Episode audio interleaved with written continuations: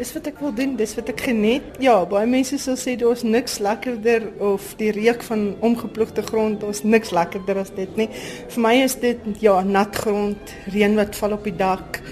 En dan natuurlik as die koeie so opgewonde is en hulle kalfies bokspring. Dis 'n mooi prentjie. Jy leef naby aan die natuur, genade en jy's dankbaar vir die kleinste goedjies wat gebeur. 'n Paar druppels reën wat val, die son wat skyn op die regte tyd, gras wat groei.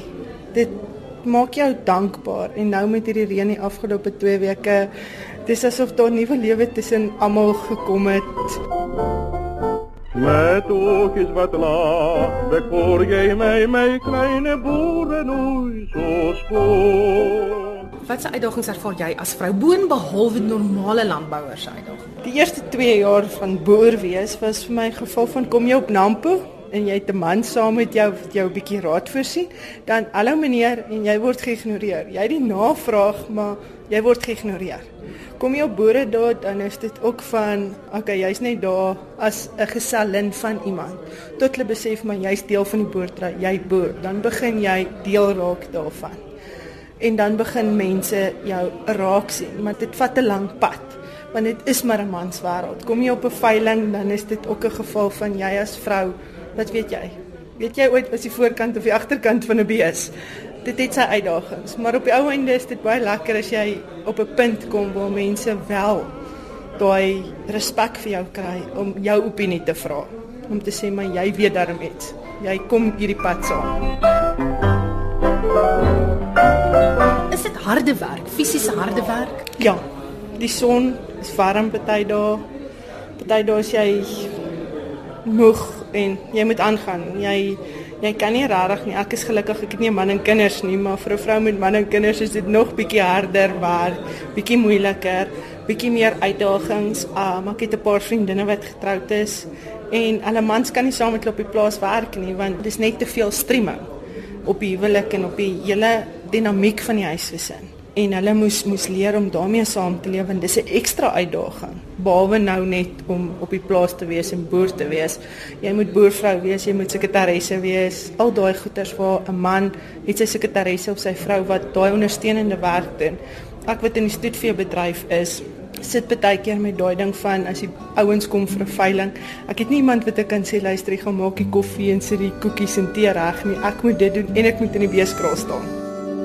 Ek het ver gery op 'n nuwe pad vir die eerste keer. Was jy ooit bang toe jy nou besluit het reg, ek wil nie onderwyser wees nie. Ek wil nie modeontwerp nie want jy het modeontwerp gestudeer. Nee, dit was glad nie. Ek is op ons Marastoetpoor, so daarin was dit maklik vir my want baie van die boere het my geken. Hulle het geweet ek het saam met my pa groot geword tussen hulle. So dit was wel van half vir hulle deel van van die volgende stap. Ek was sou maar die boerdery oorgeneem het. Op ander plekke was dit 'n bietjie moeiliker, maar ja, dit was nie te moeilik om om daai stap verder te vat om om net dit te doen nie. Ek het 'n boer sien dans in die Karoo. Met sy hoed in die hand, dakloos in die water van bo. Ek het 'n boer sien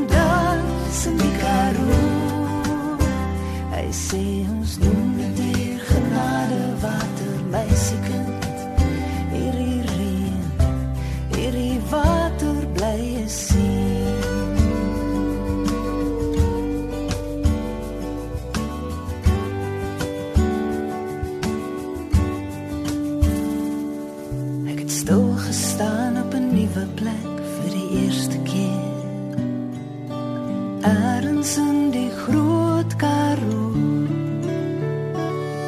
Was die mooiste plek van byna niks op 'n plaas met die naam Berlin. Toe die hemel die aarde sien. Dit was soos huis toe kom op 'n reguit pad.